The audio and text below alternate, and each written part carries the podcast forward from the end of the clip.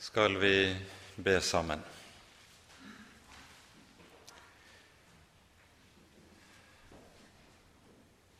Ja, kjære gode Herre, nå takker og lover vi deg at vi skal få samles på ny i ditt hellige navn og om ditt dyrebare ord.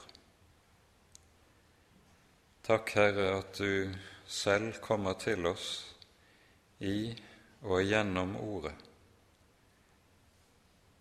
slik at vi der kan få lære deg å kjenne.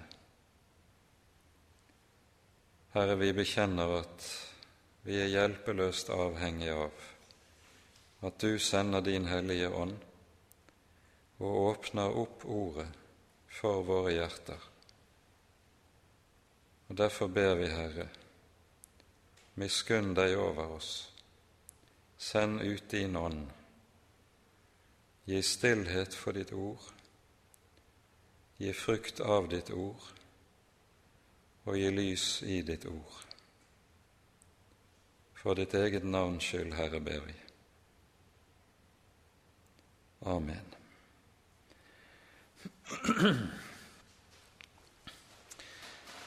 Vi har altså nå gitt oss inn i det tolvte kapittelet i Romerbrevet, og med det er vi inne i det som kalles for det formanende hovedavsnittet av brevet. Og som vi allerede har pekt på, så skal vi kanskje også minne om i dag at vi må ikke forveksle formaning og helliggjørelse. Paulus' undervisning om å tale til helliggjørelse, det er det vi hører i kapittel 6 til kapittel 8 i Romerbrevet. Formaningene de er i sin tur noe som vokser ut av helliggjørelsen, og som eh, for så vidt også befordrer helliggjørelsen i det det er motsatt slik at den som er ulydig mot Herrens formaninger, han hindrer også helliggjørelsen i sitt eget liv. Det avsnittet vi tok for oss sist gang, det var avsnittet fra vers 3 til 8. Og Her er det vi hører apostelen innledningsvis taler om menigheten som Kristi legeme og om nådegavene. Og vi merker oss hvordan Paulus etter den innledende hovedformaning i de to første versene her i kapittelet, så gir han seg med en gang til å tale om menigheten og om hvert enkelt kristent menneskes forhold til menigheten. For dette er noe vi ser både i Romerbrevet og de øvrige brevene at det kjennetegner Paulus' formaninger at de i meget stor utstrekning handler om de troendes forhold nettopp innbyrdes i menigheten. Det er tydelig helt maktpåliggende for Herrens apostel at enheten mellom de troende skal vernes om og bevares. Og i dette er det altså formaningene eh, i denne sammenheng kommer til å spille en sentral rolle. Vi kan her kanskje også minne om de tre første versene i Efeserbrevets fjerde kapittel. Det fjerde kapittel i Efeserbrevet, der finner vi den formanende delen av dette brevet. Det begynner her. Og vi ser også her hvorledes apostelen begynner med å tale om det innbyrdes forhold mellom de troende i menigheten. De 16 første versene dreier seg faktisk om dette. Vi leser de tre første. Jeg formaner dere altså, jeg, den fangne i Herren, at dere vandrer så som verdig er for det kall som dere er kalt med, med all ydmykhet og saktmodighet, med langmodighet, så dere tåler hverandre i kjærlighet, idet dere legger vind på å bevare Åndens enhet i fredens sambånd. Og så hører vi fra vers 4 hvordan menigheten nettopp er ett. Ett legeme og én ånd, like som dere er kalt med ett håp i deres kall, én Herre, én tro og én dåp. Det som vi merker oss for å understreke det i parentes her, for at det ikke skal bli noen misforståelser, det er at enheten mellom de troende det er noe som skapes i og gjennom forkynnelsen av evangeliet og troen på evangeliet. Det er altså ikke slik at det er kjærligheten som skaper enhet mellom de troende, men det er sannheten som skaper enhet mellom de troende. Det kjærligheten kan gjøre, det er at den kan utdype, styrke og bevare den enhet som allerede er skapt i og med evangeliet. Men det er altså ikke kjærligheten som skaper enhet, men det er sannheten som skaper enhet. Og Derfor er det også fåfengt å søke å etablere enhet mellom troende mennesker dersom det ikke er enhet i troen. Altså dersom det er sentrale ting i troen der det er avstand, vi tror ikke det samme, der vil det heller ikke være enhet. Og Dette er viktig å være oppmerksom på, for dette er et helt sentralt nytestamentlig anliggende, et anliggende som for øvrig også understrekes i vår kirkes bekjennelse.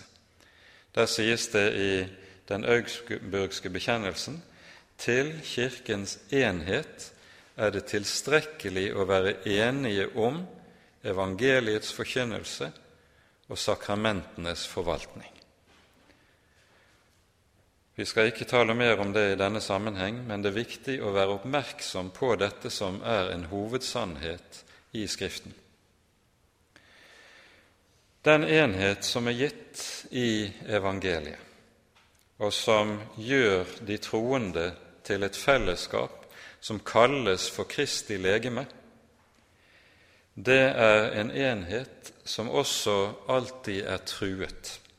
Den er truet av synden i våre egne hjerter, truet av ulike tankeretninger som stadig vil bryte seg inn i den kristne menighet. Og så er det at apostelen da i dette avsnittet særlig advarer, som vi leser i vers 3, mot en sak som kan true enheten, nemlig selvhevdelsestrangen. Det er noe som ligger dypt nedlagt hos oss alle, trangen til å være noe, til å gjelde noe, til å hevde oss på andres bekostning. Og der denne trangen får lov til å utfolde seg, der vil den også true enheten og fellesskapet mellom de troende.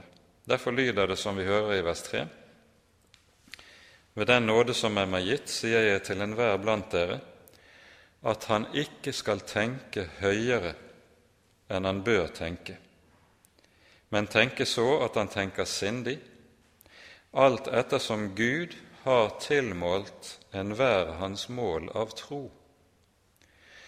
Og Akkurat dette siste talte vi ikke så meget om forrige gang, men vi skal understreke også det i dag.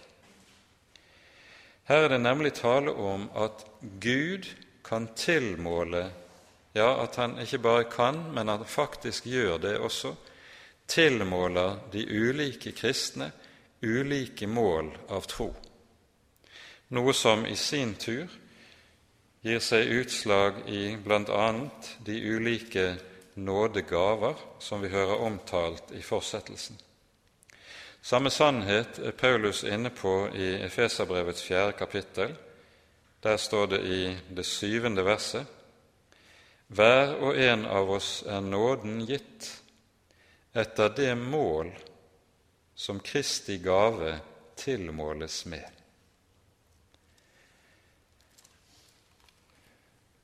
Tankegangen er her den at de, vi her får en tilmåling av tro som svarer til for det første kjennskapet til Guds ord, og for det andre til det lys en har fått i evangeliet.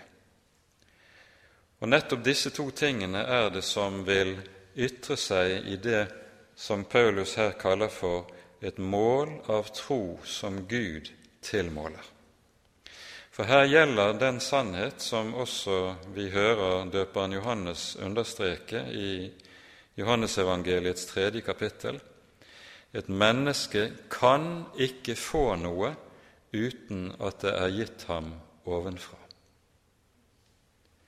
Det er Han som er Herre, som tilmåler oss.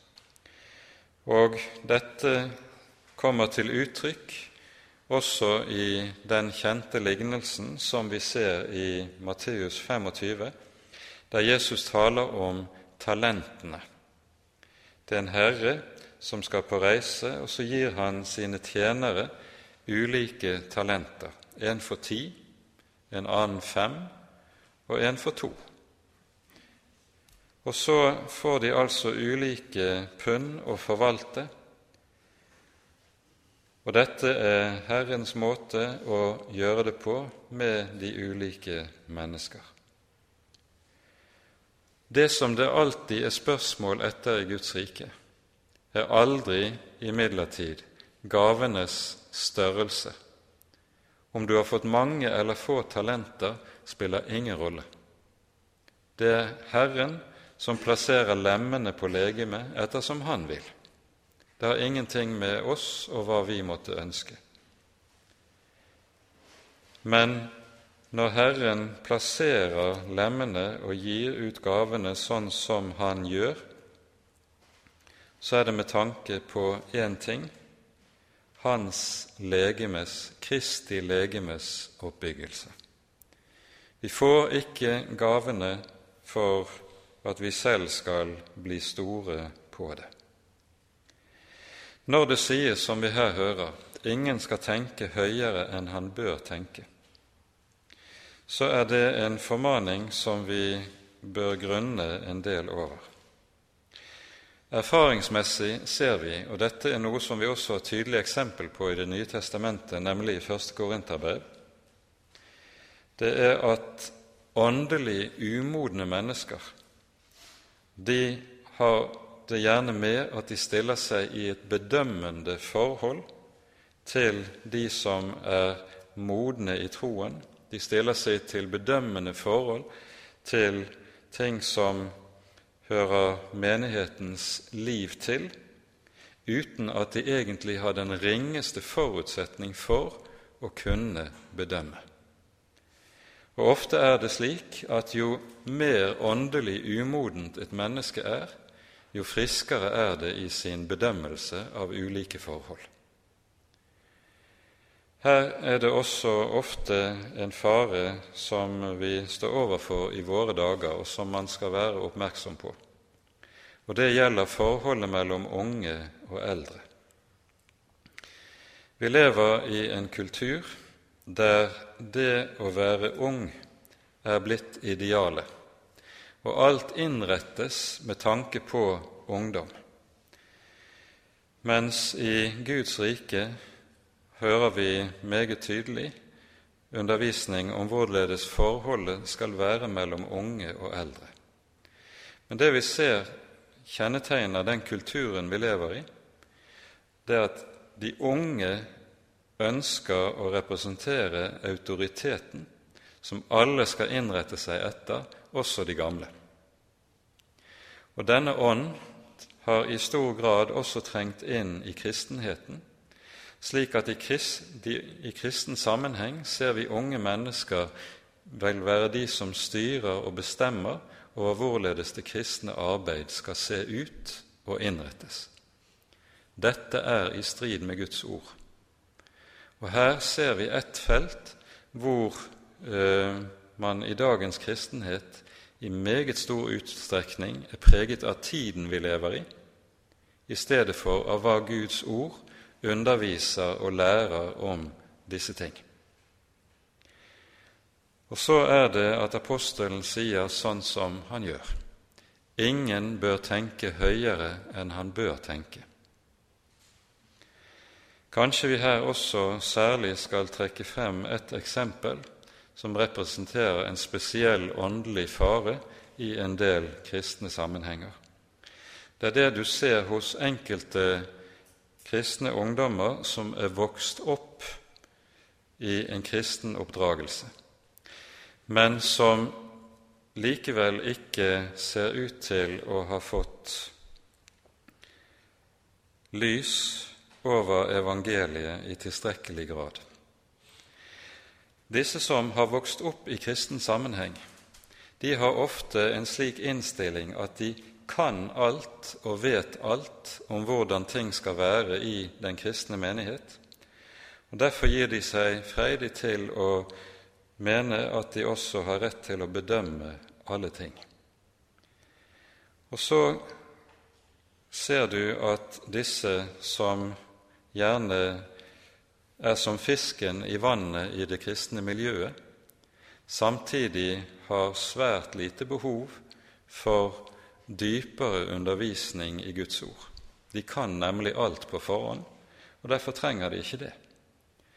Men som slike som overhodet ikke behøver videre undervisning i Guds ord, så er de likevel slike som mener de kan og vet alt og kan bedømme alle ting.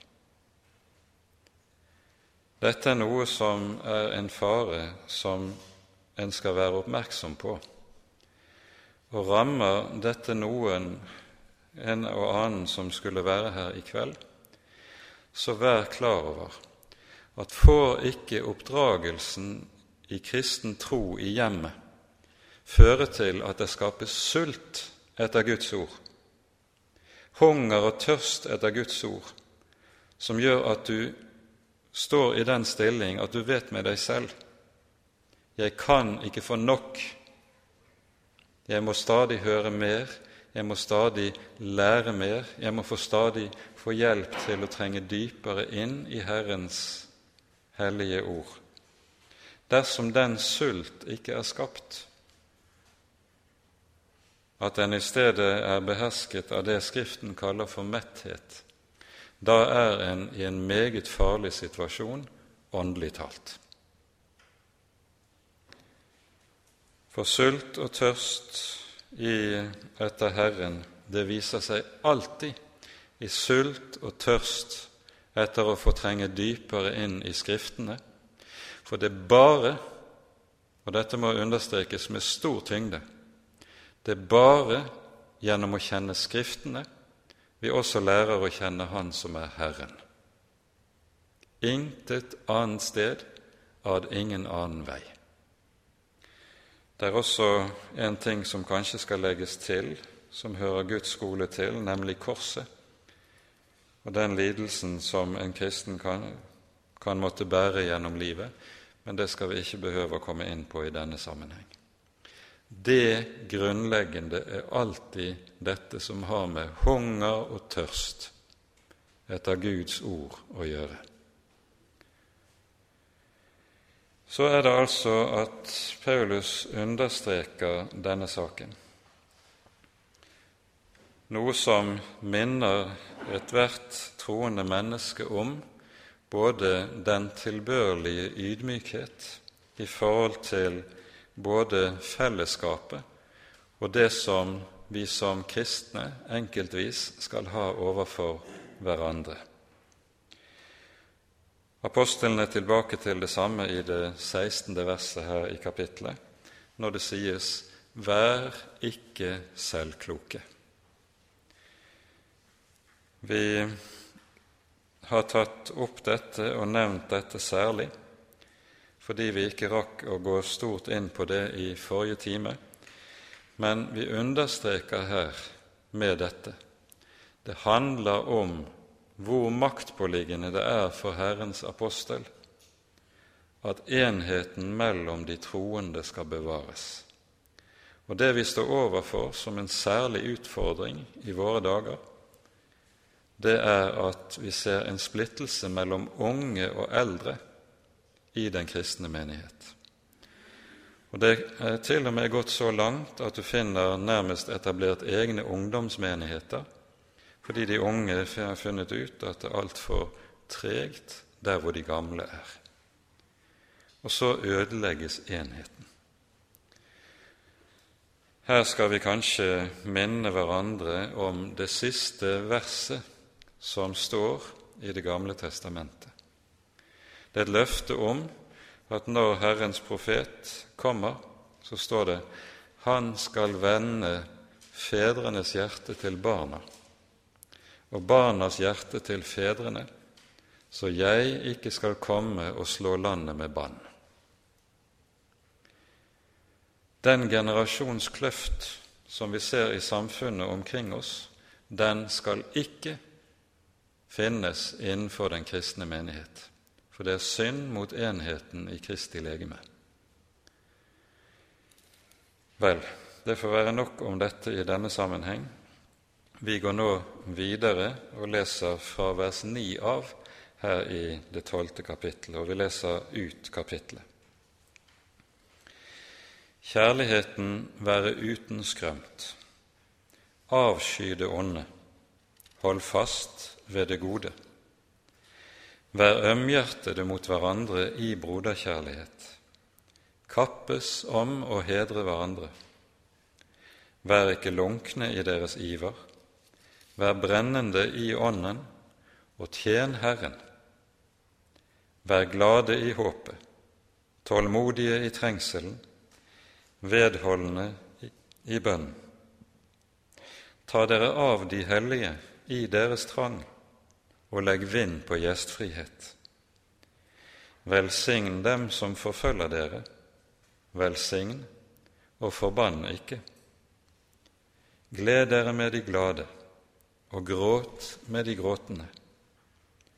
Ha ett sinnelag mot hverandre, attrå ikke det høye, men hold dere gjerne til det lave, vær ikke selvkloke. Gjengjeld ikke noen ondt med ondt.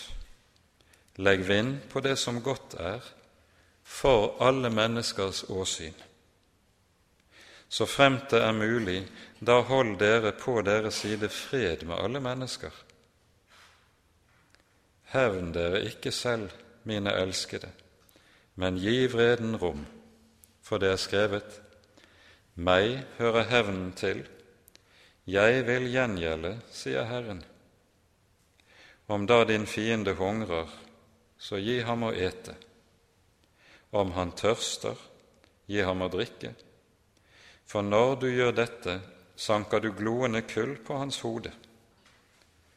La deg ikke overvinne av det onde, men overvinn det onde med det gode. Det vi her hører, det er en serie relativt klare konkretiseringer av hva det kristne livet dreier seg om og vi hører at en stor del av disse formaningene som vi her har lest, de handler også om det innbyrdes forhold mellom de troende. Når vi leser slike formaninger, så skal vi bare i utgangspunktet minne om at all formaning i vår bibel hviler i og henger sammen med det grunnleggende som vi har vært inne på tidligere i Romerbrevet, nemlig at det å være et Guds barn og leve som en kristen ikke handler om selvforbedring. Det er ikke det det dreier seg om. Men det handler om at vi i Jesus er døde fra oss selv vi er korsfestet med Kristus for at vi skal leve ved ham. Jeg vil her bare minne om et enkelt, viktig ord fra Johannesevangeliets sjette kapittel. Her sier Jesus følgende.: Like som den levende Fader har utsendt meg, og jeg lever ved Faderen, således skal også den som eter meg, leve ved meg. Det handler om å leve ved Jesus, dvs. Si, i kraft av hva vi eier i Jesu person, i frelsen fra Han. Jeg lever ikke i kraft av hva jeg har hos meg selv, og hva jeg selv måtte ha å fare med. Jeg lever ikke ved loven, men jeg lever ved Jesus. Og Derfor er ethvert sant kristent liv det hviler i og springer ut av dette indre samlivet med Kristi person. Du lever ved ham. Og uten at det ligger i bunn, så blir alle formaninger kun moralisme. Og det er viktig å være oppmerksom på. Det blir moralisme som ender ut i fariseisme. Men lever du ved ham, da virkeliggjøres dette også på rette vis. La oss nå gå inn i disse formaningene og se på dem litt enkeltvis og konkret. Først kjærligheten være uten skrømt. Bokstavelig står det 'uten hykleri'. Det første Paulus nevner, det er altså kjærligheten. Og det er jo ikke tilfeldig, for det første fordi kjærligheten er Åndens første frukt. Vi leser i Galaterbrevet 5 kjærlighetens, Åndens frukt er kjærlighet, glede, fred, langmodighet, tålmodighet osv. Den første frukten som nevnes, det er kjærligheten. Og Da bruker altså Det nye testamentet ordet agape.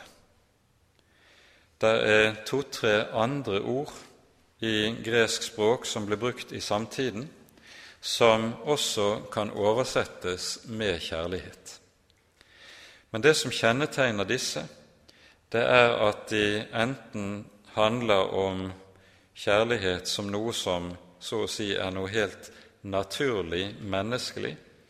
Vi hører om filia, som er betegnelsen på den kjærlighet som det kan være mellom nære venner eller mellom familie, eh, folk som er i familie med hverandre.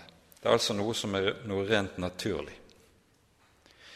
Så har du ordet eros, som sikter til dette som har med begjæret å gjøre, og det å få tilfredsstilt begjæret. Mens ordet agape, det har intet av dette i seg. I stedet ligger det i ordet agape det at en er villig til å gi seg selv.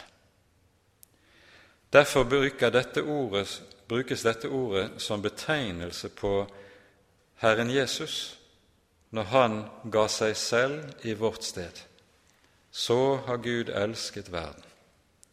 I dette er kjærligheten ikke at vi har elsket Gud, men at Han har elsket oss og gitt. Til ordet agape hører det alltid selvhengivelse eller selvoppofrelse. Det vil si, det er et sinn som ikke ser på hva som er egen fordel, men gir uavhengig av egen fordel. Og Her står vi jo overfor noe som nettopp er unaturlig for oss. For det ligger i det gamle mennesket det at vi just har det med at vi alltid ser på hva som kan tjene oss, hva som er til fordel for, for meg. Er det noe som er til fordel for meg, så kan jeg godt gjøre godt mot et annet menneske. For da får jeg også noe tilbake. Men har jeg ingen vinning av det, da gidder jeg ikke. Sånn er det med det gamle mennesket. Men denne kjærlighet som kjennetegner den kristne kjærlighet, agape. Det var for øvrig et ord som ble brukt meget, meget sjelden i den samtid som Det nye testamentet er talt inn i. fordi den slags kjærlighet var selvsynt. Du ser den dypest sett bare i evangeliet.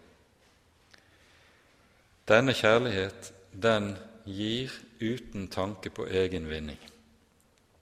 Det er også dette som man gjerne i gammel kristen språkbruk kaller for nådesinne, som beskrives for oss i Matteus 10,8.: For intet har dere fått det, for intet skal dere gi det. Et ord vi har minnet om ved flere anledninger. Når det står at kjærligheten skal være uten hykleri, så er det et uttrykk for det at kjærligheten skal ikke være et skuespill. Du smiler høflig, men du bryr deg dypest sett ikke om de du har med å gjøre. Her er det ikke tale om alminnelig høflighet og dannelse, men det er tale om noe langt mer. Jeg skal kanskje få sitere noe som ble sagt i forbindelse med en aksjon, en kristen aksjon som var et sted i landet for en god del år tilbake. Avisene var også til stede og intervjuet et par av de som eh, ble berørt av aksjonen. Og Det var en der som sa noe som var ganske tankevekkende. Vedkommende sa følgende De er så opptatt med å vise sin kjærlighet at de ikke er interessert i meg. Og Det som kjennetegner sann kjærlighet, det er nettopp at det, den er interessert i. Den er rettet mot sin neste. Ikke opptatt av å vise hvor god jeg er, men den er levende interessert i nesten og får lov til å gjøre ham godt, gjøre ham vel. Dernest står det avsky det onde. Her ser vi under verset en henvisning til Salme 97, vers 10.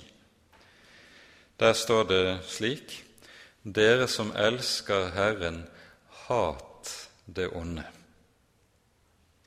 Og Da handler det om først og fremst det å hate det onde i sitt eget hjerte, i sitt eget bryst. For vi er slik etter vår gamle natur at det onde ligger oss for hånd. Og Derfor skal en kristen også nære denne bevisste motstand mot, ja, avsky for, det onde i sitt eget bryst. Avsky det onde. Hold fast ved det gode. Og så kommer det neste verset. Vær ømhjertede mot hverandre i broderkjærlighet. Her brukes det meget sterke ord. Vi hører at for det første er det tale om broderkjærligheten. På ny taler altså apostelen om forholdet mellom de troende. Og For det andre så anvendes det et særegent ord som oversettes med 'ømhjertet', det er et ord som kombinerer, eh, etter grunnteksten, både naturlig kjærlighet og den, det meget sterke samhold som du kan finne i en del familier. Det er et meget sterkt uttrykk som anvendes. Og Når Paulus anvender dette her, så er det tale om at de troende så å si er familie. Vi er Guds familie, og slik hører vi sammen, og det er dette det sikter mot. Når det er oversatt som vi her hører det, 'vær ømhjertede mot hverandre', så kan det i denne sammenheng kanskje høve med å sitere fra en barnebønn som eh, jeg leste for en tid tilbake, der det ble bedt som følger. Kjære Gud, gjør de slemme menneskene gode, og gjør de gode mennesker snille. Det er en type godhet som av og til blir vist, som har noe kaldt med seg. Fordi den har det med seg at du får fornemmelsen av her er det en som bare er ute etter å ha det rett. En skal være rettskaffen, men en er likevel så kald. Og den typen rettskaffenhet kan både være hårhjertet og kald overfor nesten og hva han trenger. Og I denne sammenheng er det altså at apostelen understreker sånn som det her sies vær ømhjertede mot hverandre. Det handler om et hjertelag som ser til den annens nød og hva han trenger, og er følsom i forhold til det. Og så kommer det neste kappes om å hedre hverandre. Grunntekstens uttrykk eh, betyr bokstavelig gå foran i det å vise hverandre ære. Og her er det på ny slik at vi står overfor noe som vi i høy grad behøves å minnes om i den kristne menighet. For altfor ofte ser vi en helt annen tendens gjøre seg gjeldende imellom oss. Man kappes om å kunne kritisere hverandre. Man har et skarpt blikk overfor det som måtte være av skrøpelighet, svakhet hos nesten, hos den kristne broder, og eh, er fordi man er så rettskaffen som man er, så er man snar til å påtale det, og påtale det kanskje både krast og ubarmhjertig.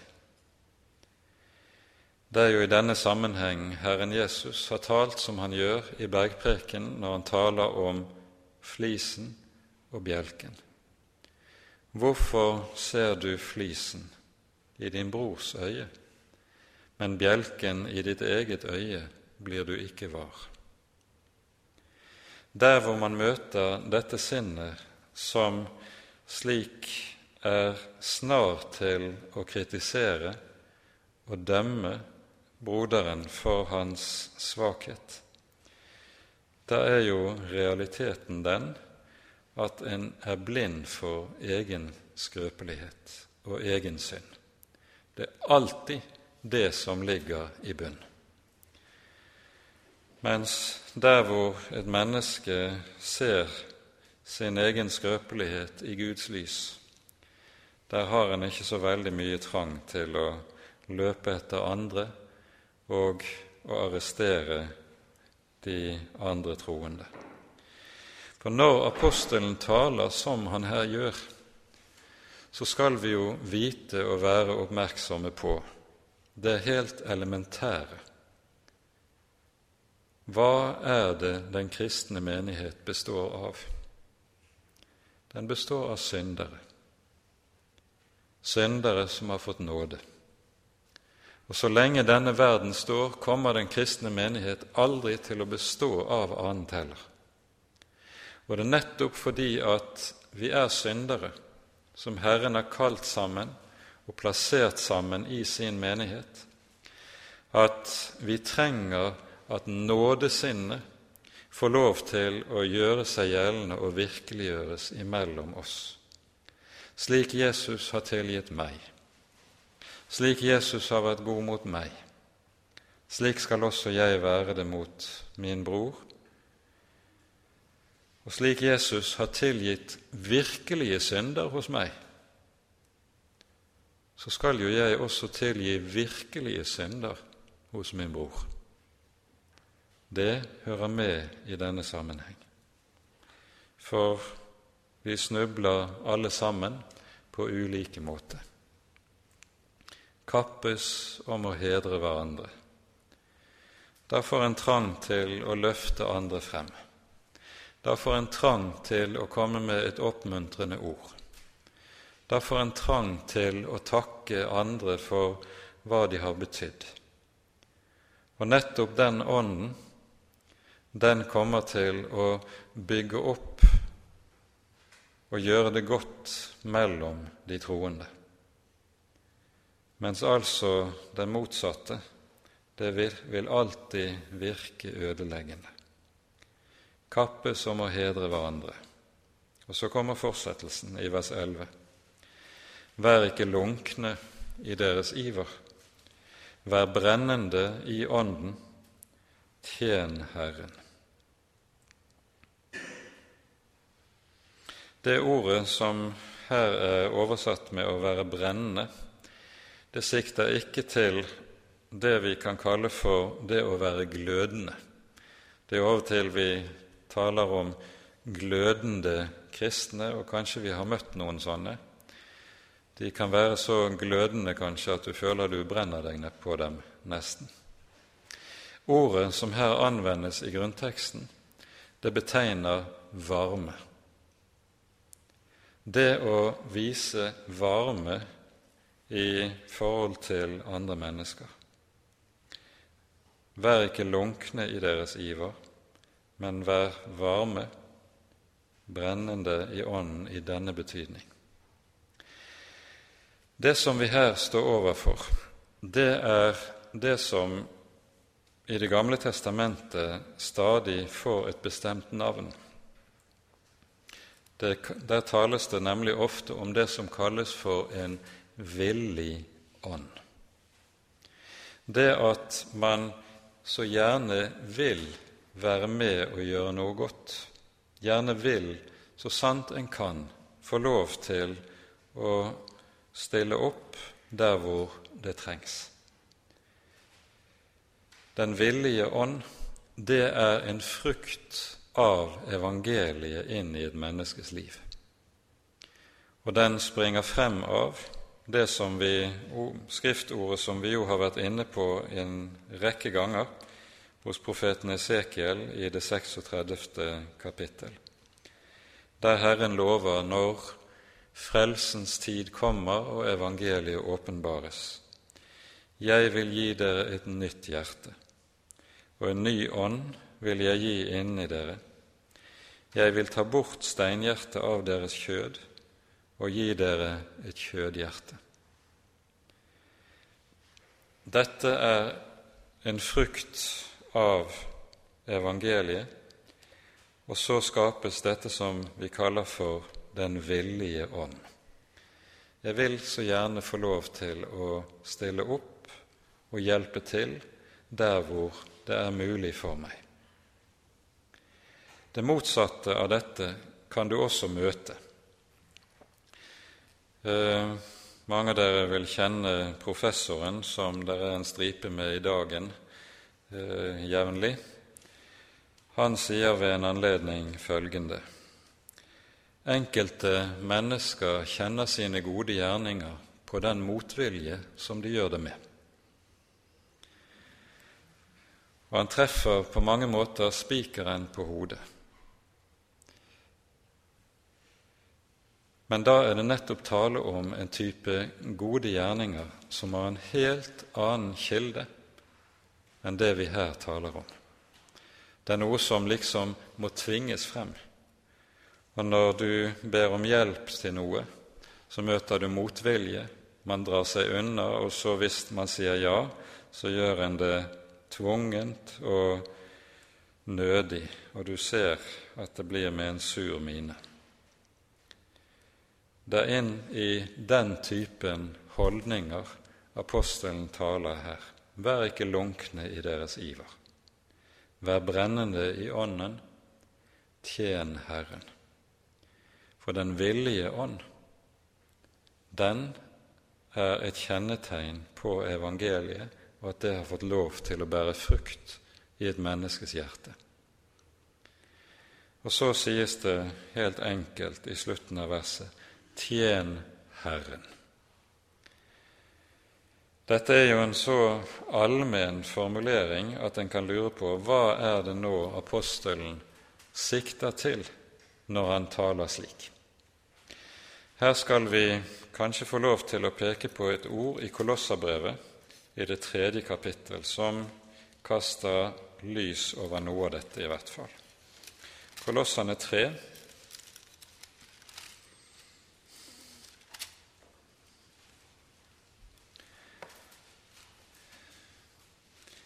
Her står det slik i vers 23. Det dere gjør, gjør det av hjertet, som for Herren, og ikke for mennesker. Dette ordet står i en ganske bestemt sammenheng i Kolosserbrevet, nemlig i en sammenheng der vi hører om de såkalte hustavlene, der det taler om hvorledes eh, de troende skal innrette seg i sine hjem og i sin arbeidssituasjon. Og så sies det nettopp i forhold til hvordan en steller seg i hjemmet og i arbeidet, det vi hører. Det dere gjør, gjør det av hjertet, som for Herren, og ikke for mennesker. Tanken er følgende Der du står i ditt daglige liv og i ditt daglige arbeid. Så det, det du gjør der, det er gudstjeneste. Her er det jo slik at Martin Luther under reformasjonen kom til å prege et begrep som i ettertid har fått benevnelsen den lutherske kallsteologien eller kallsetikken. Hva handler den om? Den handler om dette at det var en lang periode i middelalderen hvor en så å si todelte gudslivet og dermed hvordan Guds folk kunne leve.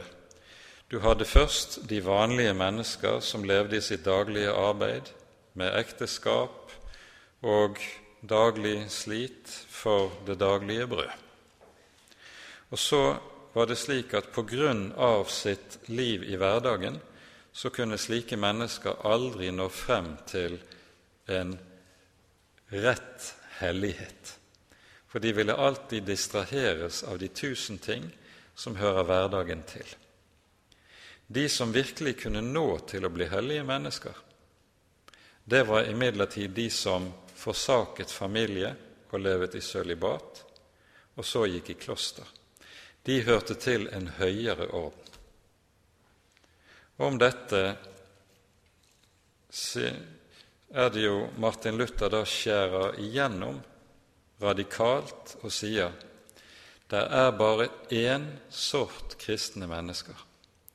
Og kallet handler ikke om å gå i kloster og forsake det verdslige liv men det handler tvert om at det som er ditt daglige arbeid, enten du er skomaker eller du er prest, enten du er fyrste eller du er kokk, det er Guds kall for deg. Og på samme måte når du er gift, så er det Guds kall, det at du da skal ta deg av din familie og sørge godt for familien. Det hører til kallet. Og Derfor er det å sørge for familien, det å gjøre skikkelig arbeid der hvor en er satt, det er gudstjenesten, det er kallet.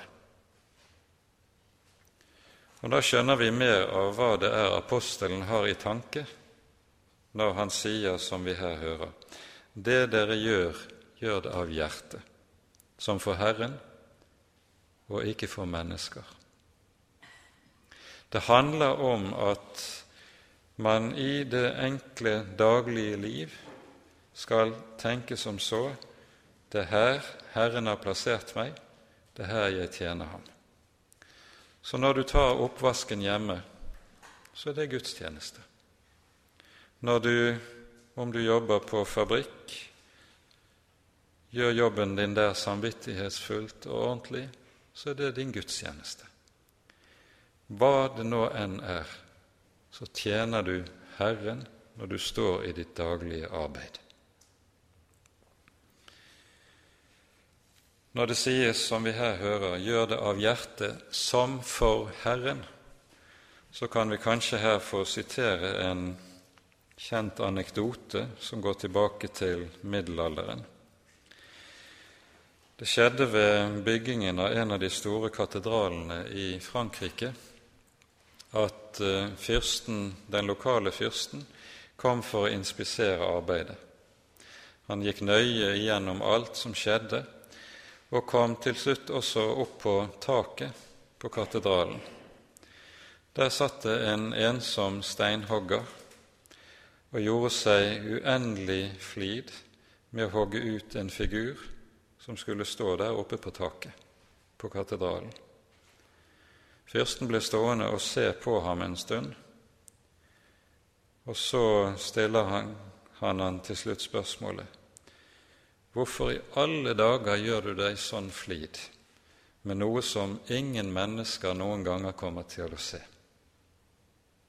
Og han får til svar Gud ser det. Han gjør sin gjerning som for Herren, ikke som for mennesker. Og dette er noe av det som ligger i denne dype, enkle setning som vi her har lest i Romane 12,11.: Tjen Herren. Det handler om et totalperspektiv på det daglige liv som Det nye testamentet vil lære oss, og som gjør at det å være en kristen, og så å si bli et hellig menneske i troen, det er noe som ikke skjer ved at Herren tar oss ut av det daglige liv, for at vi skal leve i en eller annen hellig sfære, men det motsatt, gjennom at Herren får lov til å komme inn i vår hverdag og være del av det daglige liv. Tjen Herren. Så fortsetter apostelen med å si:" Vær glade i håpet, tålmodige i trengselen, vedholdende i bønnen. Dette er et bibelord som jo ofte blir sitert, men det inneholder uhyre mye som er verd å stanse opp for. For det første, når det sies 'vær glade i håpet', så peker apostelen med det på at håpet spiller en helt sentral rolle inn i det kristne tro og det kristne liv. Det handler om det som vi kaller for evighetsperspektivet på livet, noe som i meget stor utstrekning ser ut til å ha kommet i bakgrunnen i våre dager. Veldig mye kristendom i dag handler om kun det dennesidige her og nå, mens vi vet at de første kristne de levet i en levende forventning om at Herren kommer, og at dette var en glad forventning. En så frem imot Jesu gjenkomst, ikke med angst, men med glede. Herren kommer. For, sies det i første kapittel i Tessalonikabrevet, første Tessalonikabrev, når Han kommer, så er Han den som frir oss fra den kommende vrede. Og så skriver Peter i innledningen til sitt første brev.: Lovet være Gud over Herre Jesu Kristi Far, Han som har gjenfødt oss til et levende håp ved Jesu oppstandelse fra de døde. Peter har jo vært kalt for håpets apostel, slik Paulus er troens apostel og Johannes kjærlighetens apostel. Og hele Petersbrevet er liksom gjennomvevet av dette som har med håpet å gjøre. Og håpet, det spiller en helt særlig rolle inn i det kristne liv. Det ser vi i, ikke minst i 1. Johannes brev, der eh, Johannes i det tredje kapittel peker fremover mot det som er det store håp. Det står sånn i vers 2 og 3.: Mine kjære, nå er vi Guds barn, men det er enda ikke åpenbart hva vi skal bli, men vi vet at når Han åpenbares, da skal vi bli ham like. Og så kommer det i verset etterpå. Den som har dette håp til ham, renser seg selv. Altså håpet, der det får lov til å være en levende del av troen, så fungerer det også rensende inn i troslivet. Og Derfor ser vi også i Det nye testamentet at all kristen etikk, for å bruke det uttrykket, det er en etikk som står der i lys av Kristi gjenkomst. Da vi har dette håp, la oss le, vandre gudfryktig og rettferdig i den nåværende verden, sies det også i 2. Peters brev. Vær glade i håpet, tålmodige i trengsel. Og vi skjønner disse to ting henger på det nærmeste sammen. Det å høre Jesus til, det er å måtte oppleve trengsel. For det første leser vi jo i andre Timotius brev at det står slik Vær den som vil leve gudfryktig i Kristus Jesus, vil bli forfulgt. Det er en del av trengselen. Og så hører vi Paulus i apostelgjerningenes 14. kapittel si følgende til menigheten der vi må gå inn i Guds rike gjennom mange trengsler. Trengselen det er noe som så å si er en integrert del av det kristne liv på ulike måter. Gud tilmåler oss dette gjennom livet ettersom Han ser vi trenger det. Og så sier apostelen altså 'vær tålmodige i trengselen'. Tålmodig dette ordet betyr bokstavelig det at man blir under. En blir i de kår Herren har satt en i. Og så står det i Salme 34, og det er en salme man ganske særlig bør lese med tanke på det som vi taler om her. I slutten av denne salmen leser vi mange er den rettferdiges ulykker, men Herren utfrir ham av dem alle. For midt i all nød og i all trengsel så skal en kristen vite Herren ser, Herren vet, jeg er i Herrens hender, hvordan det nå enn skikker seg i livet. Og så til slutt vær vedholdende i bønnen. Dette er noe som er meget vanskelige for oss. For det som har med bønnen å gjøre, det er vanskelig. Og jeg må vel si, selv om jeg slett ikke ser og kjenner lønnkammeret til eh, så veldig mange troende mennesker, så er det nok et stort spørsmål om det ikke er slik i våre dager at det bes lite. Vi er blitt som slike som er utålmodige barn, som vil se oppfyllelse av våre bønner umiddelbart, og hvis vi ikke ser det, så gir vi opp.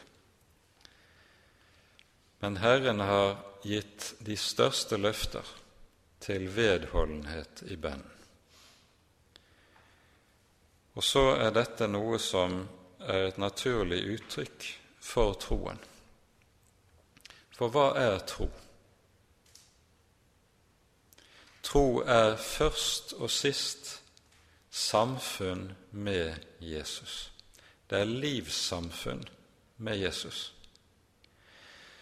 Og til det å stå i samfunn med en annen person, så hører jo også dette helt enkle som har med kommunikasjon å gjøre.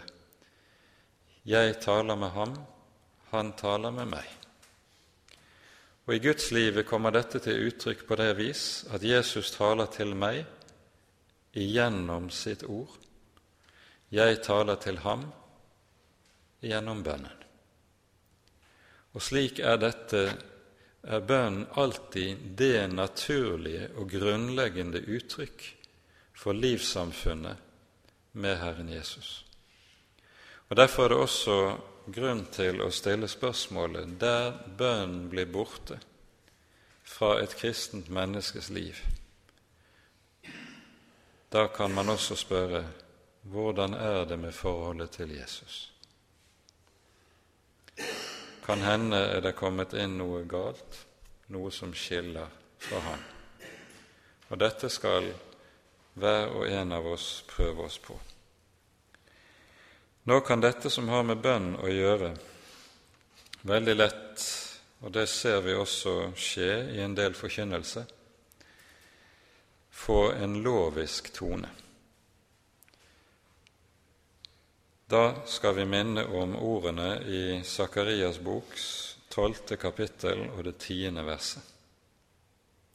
Her lyder løftet i forbindelse med åpenbaringen av frelsen ved Messias. Over Davids hus og Jerusalems innbyggere vil jeg utgyde nådens og bønnens ånd, og de skal skue opp til meg som de er gjennomstunget. Men legg merke til at disse to begreper kobles sammen. Nådens ånd og bønnens ånd. Der nådens ånd med evangeliet om Jesus har fått rom i et kristent menneskes liv, der vil også bønnens ånd ganske naturlig gjøre seg gjeldende. For de to er dypest sett samme sak. Nådens ånd og bønnens ånd henger sammen. Og Derfor er dette som har med vedholdenhet i bønnen å gjøre, noe som henger uløselig sammen med å bli bevart i nådesamfunnet med Jesus, bli bevart i evangeliet om Jesus. De kan ikke løses fra hverandre, disse to. Nå løper tiden fra oss, og dere forstår alle at på denne måten kommer vi ikke gjennom hele kapittelet i løpet av kvelden. Så jeg tror at vi skal sette punktum der, og så får resten av kapittelet igjen utstå til en senere bibeltime. Ære være Faderen og Sønnen og Den hellige ånd, som var og er og være skal en sann Gud, høylovet i evighet. Amen.